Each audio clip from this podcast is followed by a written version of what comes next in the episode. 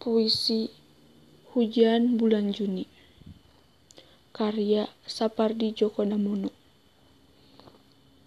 Tidak ada yang lebih tabah dari hujan bulan Juni. Dirahasiakannya rintik rindunya kepada pohon berbunga itu. Tak ada yang lebih bijak dari hujan bulan Juni. Dihapusnya jejak-jejak kakinya yang ragu-ragu di jalan itu.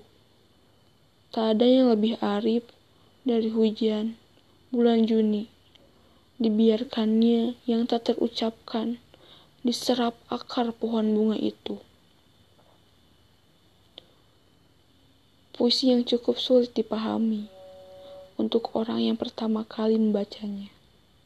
Puisi ini menggambarkan kerinduan yang sangat mendalam dari hati seseorang. Dalam puisi ini, hujan menggambarkan kasih sayang, dan Juni adalah bulan kemarau di Indonesia. Maka dalam bait pertama ini mengandung makna tentang kesabaran seseorang untuk tidak menyampaikan sayang juga rindunya pada orang yang dicintainya. Atau dengan kata lain, dia dia lebih memilih menahannya.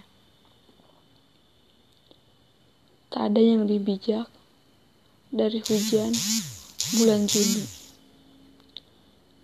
Seseorang yang mampu dengan kesabarannya menahan untuk tidak menyampaikan kerinduannya. Dihapusnya jejak-jejak kakinya yang ragu-ragu di jalan itu.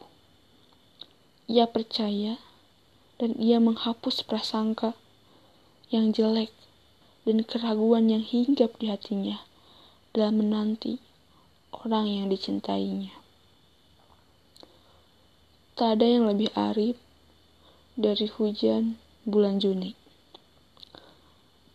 Seseorang yang pandai menyimpan rasa rindunya pada orang yang ia cintainya. Dibiarkannya yang tak terucapkan diserap akar pohon bunga itu. Dia membiarkan tak mengucapkan apa yang dia rasakan, membiarkannya. Dan dia mengerti sendiri olehnya sehingga akan berbuah manis. Indah, artinya sungguh mendalam. Indah jika mempunyai orang yang rindu terhadap kita. Namun dia tidak mengumbar-umbarnya. Cukup dia merasakannya. Semoga kita bisa merasakan seperti itu. Dan semoga kita selalu bahagia.